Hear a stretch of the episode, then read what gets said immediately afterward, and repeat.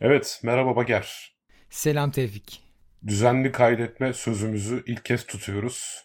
Ama nazarlara gelmeyelim. Evet, evet, güzel. Seç kelimeni. Döngü. Düşüncesizlik. evet, insanın... Abi düşüncesizce dönüyorsun. Ay. bir ara Reklam Derneği'nin böyle müthiş bir reklam şeyi vardı hatırlıyor musun? Güya bir reklam gurusu vardı. Hı hı. Yok hatırlamıyorum. Böyle Burhan mıydı adı hatırlamıyorum ya da ben Avrupa yakasındaki Burhan karakteriyle karşılaştırıyorum. Böyle düşünüyordu işte reklam inek, Alpler, işte Haydi falan diyordu. Sonra ortaya rezalet bir reklam çıkarıyordu. Yok hatırlamıyorum. Sen bunu nasıl kaçırırsın ya? Yok yok hiçbir fikrim yok. Çok iyiymiş. Yani böyle düşüncesizlik döngü deyince düşünsene hani şey yapıyoruz. Döngü, düşüncesizce yapılan dönüşe döngü denir falan. Ama sen şimdi bilmeyince bunu bir işe yaramadı. Umarım dinleyiciler bahsettiğim reklam serisini biliyordur yani. Ya şey geldi aklıma düşüncesizlik ve döngüde bu şey hikayesi var ya ilişkilerde aynı döngünün içine girme hikayesi. Yani terapi alan birçok arkadaşımdan duyduğum şey sevgililerinin birbirine benzeme patern örüntüleri. Yani aynı tip problemle uğraştıkları atıyorum işte yani babasının ya da annesiyle ilgili bir problemi sevgisi sürekli dönerek aynı şey yaşaması. Yani döngüden çıkarma şeyi böyle gerçekten bunu çok yapıyoruz aslında. Çeşitli döngülere giriyoruz birbirinin iç içe ve niye yaptığımızı bilmiyoruz yani. Birine mesela şey hikayesi vardır ya bir sevgilin olsun diye işte bir şekilde görünürsün göründüğün için sevgilin olur ama sonra kendine dönersin. Kendine dönünce terk eder. Sonra tekrar bu döngünün içine girersin sürekli olarak. Sonra dersin ki kimse beni sevmiyor. Ama aslında kendin gibi davranmadığın için ilişkilenme şeklini yanlış çekiyorsundur falan. Yoruluyorsun haliyle bir süre sonra bir başkası gibi görünmekten. Tabii tabii normal kendine dönüyorsun. Kendin önce terk ediyorsun. Orada şey hikayesi var işte. Yani kendin gibi yani neysen öyle davran, baştan öyle gelsin hikayesi var. Ama bu genelde hayatımızda çok var. Bu döngüler çok fazla giriyor. Yani Ama şimdi sen bak sen söylerken dikkatimi çekti. Sen döngüden olumsuz bir şeymiş gibi bahsediyorsun. Yok. Oysa genelde olumsuz şeylere kısır döngü deme eğilimindeyiz. Ama yok. Hani bir fayda üretmeyen, bir üretime sebep olmayan, değer yaratmayan döngüye kısır döngü diyoruz. Ama normalde döngü işte günde bir döngü. Hmm. Her gün güneş batıyor, ertesi gün doğuyor. Yani döngü bir düzenin temsilidir aynı zamanda. İki kelimeyi birleştirerek yapmaya çalıştım zaten. Hani düşüncesiz, düşüncesiz ha, döngü tamam. ne olabilirden çıktım. O da yani mesela bu aynı şey iş hayatında da oluyor. Mesela proje fikri geliyor aklına. Mesela bir ya hayalimde şöyle bir iş var diyorsun. O hayalini abartıyorsun. Sonra abartının içinde boğuluyorsun. Sonra patlıyor. Sonra küsüyorsun, geri çekiliyorsun. Sonra tekrar bir hayal geliyor. Mesela öğrencilikte falan öğrencilerimin ya da işe yani kendi hobi projelerinde çok patladıklarını görüyorum insanların yani bu tip döngülerle aslında. Bizim de patlamışlığımız tabii, var. Psikoterapinin mesela en önemli özelliklerinden biri sana döngüyü göstermesi. Yani döngüyü değiştirmesi değil bu arada. Göstermesi. Yani döngüyü bilince ya bir insan döngüsünü, döngülerini görünce farklı olmaya başlıyor otomatikman. Çünkü ilerlerken mesela şunu bir örnek vereyim. Ben şöyle bir öğrenci tipi keşfetmiştim. Dönem başında belki sen de fark edersin bazı öğrencilerin öyle olduğunu. Dönem başında acayip ilgililerdir. Sürekli ders sonunda bir şey sorarlar bilmem ne yaparlar. Aşırı derecede enerjileri vardır ve dönem sonunda böyle ödevler şey ders ciddileşmeye başlayınca kaçarlar ve teslim edemezler. Şimdi ben bunu tespit ettikten sonra bu öğrenci tipini tanıdım. Ve her ders senenin başında bu öğrenci tipinden birini görünce şey ödev vermeye başladım onlara. Ya sen bir şekilde bu ödevi yapamayacaksın. Ama X ya da Y yani aileden birine bir şey olacak, felaket olacak, bilmem ne yapamayacaksın ya. Yani. Senin ödevin günlük tutmak. Niye yapamayacağını yakalamak. Ve bu öğrencilerin hepsi o ödevi başardılar mesela. O döngüde olan çocuklar ki bunlar benim düzenli öğrencimdi. Hani biliyordum diğer derslerdeki başarısızlığını. Döngünün farkına vardırmak bir insanı çok acayip değiştirebiliyor aslında. Bunu da mesela şunu da diyemem ama yani bunu farkına vardıkları için hayatlarında değiştiler diyemem. Ama en azından o derste değiştiler onu söyleyebilirim yani. Yani söylediklerine katılıyorum. Şu anlamda katılıyorum evet yani farkında olmadan hep aynı hatayı aslında senin döngüler dediğin bir türlü içinden çıkamadığımız bir hata tekrarı olarak algıladığım için katılıyorum. Hı hı. Ama temelden sana şeyden itiraz edeceğim. Döngüyle örüntüyü sanki yani paterni birbiri yerine kullanıyor gibisin gibi hissettim. Hmm. Tamam döngünün başka anlamları da var doğru. Çünkü hani birbirinden farklı öğrenci. O senin için bir döngü. Hmm. Sen her sene tekrar onunla karşılaşıyorsun. Ama o öğrenci için ilk. Onun döngüsü değil aslında. Ama o, hayır bak şu bu öğrenci tipi mesela bir dersimde bunu yapıyor, ikincide bunu yapıyor, üçüncüde yakalıyorum aslında. Ya yani onun bir derse ilk önce hocaya iyi gözükmeye çalışıyor ve ilişki kuruyor. Sonra aşırı derecede büyütüyor. Kocaman projelerle gelir öğrenciler. Yani beni şaşırtmak için inanılmaz böyle emek harcayacağına dair süper projeler çıkartır. Sonra altında ezilir. Deminki iş örneğinde verdiğim gibi. Yok mu öyle arkadaşların yani kocaman hayaller kurup sonra altında ezilen Var çok komik bir hatta anekdot anlatayım sana. Açık bilimi ilk kurdum yıl 2010 tamam mı? Çağrı Yalgın'la beraber kurduk. İnsanlardan yazı istiyoruz. İşte yazı isterken de yazı başlığını da bize iletmelerini istiyoruz falan. Bir tane arkadaşıma ya abi bak gel sen de yaz burada falan Hı-hı. dedim. Bana ilettiği başlık şey oldu. Geometri. O nasıl? Abi dedim geometri başlıklı bir makale nasıl yazabilirsin ya? Evet. Çok çok büyük yani. Yani bana hani üçgenin iç açısının 60 derece olmasındaki cazibe diye bir makale yazabilirsin. Evet. Hani ama bu kadar genel bir başlık altında bu kadar büyük bir yazıyı nasıl hedeflemiş olabilirsin? Yani neyi anlatacaksın burada? Evet. geometri diye 20 cilt kitap yazarsın. Yani, yani şiir yazabilirsin geometri diye güzel olur. Ama yani evet geometri makale yazamazsın yani çok. Bir, evet ya yani bir bilim yazısı, popüler bilim yazısı yazamazsın geometri başlıklı. Ya da yazabilir misin? Hmm. Senle de tartışalım. Mümkün değil. Yani bir şey gibi doktora tezi bile değil yani. Yani geometri anlatan bir kitap serisi yapabilirsin. 20 cilt ansiklopedi yazarsın Tabii. abi. Yani hani matematik böyle bir şey bile olabilir. Hani geometrinin eğlencesi bile olur. Ama geometri diye bir yazı başlığı hayal bile edemiyorum yani. Evet. Çok komik bence. Ya işte bizim bu mesela şeyde de öyle. Biz tek kelimeyle başlamıştık ya. Sonra iki kelimeye girdik Hı-hı. mesela. O da benzer bir şey yaratıyor. Tek kelime çok büyük. İki kelime kapsamı acayip sınırlıyor ve biz rastgele kelime seçtiğimiz için acayip bir şekilde hani sıkıştırıyor ve bizi zorluyor. Tek kelime o kadar büyük ki nereye kadar açacağını mesela geometri üzerine konuşmaya kalksak en fazla 2-3 tane anekdot söyleyip rastgele bir yerinden bırakırız aslında. Ama şimdi mesela düşüncesizlik ve döngüye dönmek istiyorum. Orada mesela direkt bazı şeyler yakalıyorum.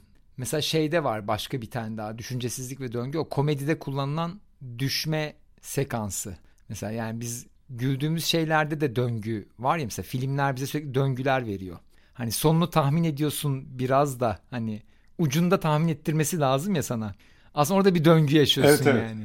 Bunu kesin daha önceki programlarda konuştuk ama fıkraların da olayı o yani temel İngiliz Fransız. Hmm. İngiliz bir şey yapıyor. Fransız ona benzer bir şey yaparak bizde bir patern evet. ya da döngü bak bence hala döngüyle paterni birbiri yerine kullanıyoruz. Evet böyle bir şey hissettiriyor. Temel o döngüden çıktığı için gülüyoruz. Ha, evet.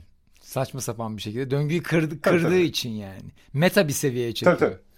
Yani şimdi işte İngiliz diyor ki işte bir gün temel İngiliz Fransız adaya düşüyorlar. Issız adaya canları çok sıkılıyor. İşte golf oynayalım diyorlar.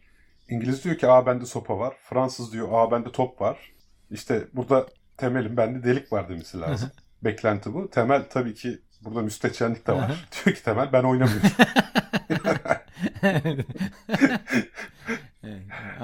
Tam olarak bu. O şey bir tane döndür ama bir taneyle insanlar paterni anlamaz. İkincisi öyle bir şey söylemeli ki kafada bir patern yaratılması lazım. Üçüncü de temelin ona uymasını bekliyoruz. Saptığı için gülüyoruz. Tamam bak Olay burada bu. iyi bir şey. Patern örüntüyle döngü arasındaki ilişkiyi, farkı nasıl görüyorsun? Oraya bakalım. Çünkü Yok paternle patern örüntünün İngilizcesi olarak Aha. kullandım yanlışlıkla. Tamam. O ikisi aynı. Döngüyle patern bak şöyle. Az önce sana öğrencinle ilgili örnekte onu söylemeye çalışmıştım. Şimdi sen her sene aynı öğrenci tipiyle karşılaştığın için bunu evet senin için bir döngü olarak tanımlarım. Çünkü sen aynı şeyle tekrar tekrar sen karşılaşıyorsun. Ama örüntüyü şöyle tanımlarım. Farklı bireyler aynı yolu takip ediyor. Demek ki böyle bir örüntü var. Hmm. Yani örüntüyü birkaç ajanın, bu ajan tabanlı modelleme jargonundaki ajandan bahsediyorum. Agent. Aha, aha. Bütün farklı farklı agentlar aynı şeyi takip ediyorsa, aynı güzergahı buna örüntüdür. Ama şimdi her örüntü Ama döngü bir değil mi? agent, bir agent sürekli aynı şeyi yapıyorsa ona döngüdür. Hmm. Yani mesela birkaç farklı agent'ın sadece bir kere aynı yolu takip etmesi bana bir örüntü olduğu fikrini verir. Ama bir agent'ın sürekli aynı örüntüyü tekrar etmesine döngü derim. Tamam anladım ama şöyle bir şey diyeceğim mesela aslında iç içe bir sürü döngü yaşıyoruz ya. Yani döngülerin içlerinde döngüler var. Orada döngüyü loop anlamında mı kullanıyorsun? Evet, evet, evet, evet. Yani aslında çünkü örüntü mesela bir duvara bakıyorsun ve duvarda bir şey var, mozaik var ve tekrar ediyor. Buna örüntü diyoruz ya aslında genelde. Hani örüntüsü tekrar ediyor. Döngüdeki fark nerede acaba? Yani dö- Yok dönüp... sadece tekrar edene örüntü demezsin ya. Nasıl? Ya şimdi diyelim ki artı düzenli artış varsa da mı örüntü dersin? Yok yok şimdi dediğine de örüntü dersin de örüntünün tek tanımı o değil. Yani diyelim ki bir sarhoşu buraya koyuyorum. Hı hı. Ve yerdeki eğimler dolayısıyla ama henüz onu keşfetmedim. Hı hı. Bütün sarhoşlar yani daha doğrusu ilk koyduğum sarhoş 3 adım sağa, bir adım sola, iki adım sağa yürüdü gitti. Hı hı. Sonra oraya ikinci bir sarhoş koydum. O da aynısını yaptı. Üçüncü bir sarhoş koydum. O da aynısını yaptı. Ha derim ki burada bir örüntü var. Hı. Bak kendini tekrar etmese bile. Anladım. Yani X nesnesini tekrar ettirmiyorum. Ama Y ajanı X olayını tek yani farklı farklı Y ajanları aynı X'i tekrar ediyor. Mesela buna loop deme, diyemezsin. Anladım ama anladım ama şöyle sen tabii dışarıdan bakıp yan yana koyduğunda ile içindekinin farkını söylüyorsun. Bak loop'u bir çember olarak tanımlarsın değil mi zaten döngüyü. Adı üzerinde döngü aslında Türkçe çok güzel bir kelime. Hmm. Öyle bir dönüş var ki başa geliyorsun. Hep çıktığın noktaya geri geliyorsun. Bak hep çıktığın noktaya geri geldiğin bir şeye döngü demeyi daha tercih edilebilir buluyorum. Evet. Ya şeyi bak başka bir yere gitti kafam. Geri dönüte gitti. Feedback. Şimdi mesela orada ilginç bir şey oluyor aslında. Döngüden çıkma anı. Deminki örnekte dedim ya döngünün farkında olduğun zaman oradan çıkıyorsun. Şimdi bu şeyde var. Ben bir garip döngüyüm kitabı var. Douglas Hofstadter'in. O I'm a Strange Loop diye geçiyor. O da bu garip döngülerden bahsediyor. Garip döngüyü şöyle mesela anlatıyor. Diyor ki mesela bir sürü üst üste 100 tane mektup zarfı dursun diyor ortasında diyor bir bilye varmış gibi hissedersiniz diyor. Yani o tutkalın yarattığı şey birleşip gerçekten ellediğin zaman ortada bir bilye varmış gibi hissedersin diyor. Ama baktığında hiçbir yerde yoktur diyor. Ya da mesela şey diyor mesela televizyona kamerayı tuttuğun zaman oluşan geri dönütlerin oluştuğu şekiller diyor. Mesela bu insan bilincinin böyle bir şey olduğunu söylüyor. Yani geri dönütlerle çıkan mekanizmanın sonucunda bir yere geldiğini. Biz böyle şeyi araş yani şey gibi ben bir bebeğin kendi varlığının farkına vardığı anki dönüşümü gibi demeye çalışıyor. O kadar güzel bir konuya girdin ki uzayacak ya Allah kahretsin. ya bir şey Alman bir filozof vardı adını maalesef unuttum. O da insan bilincini senin dediğin gibi tanımlıyor. Yani insan bilincini değil bilinci böyle hmm. tanımlıyor. Kesin bunu da daha önce konuşmuşuzdur. Hep eleştiri geliyor ama dinleyicilerimize hatırlatmak da güzel. Mesela bir solucanın karnına dokunduğun zaman katlanıyor. Hı hı. Ama solucan toprakta altında giderken karnına yüz binlerce şey değiyor ama katlanmıyor. Ha. Çünkü solucan şunun bilincinde bu benim eylemimin bir sonucu. Hmm, çok iyi.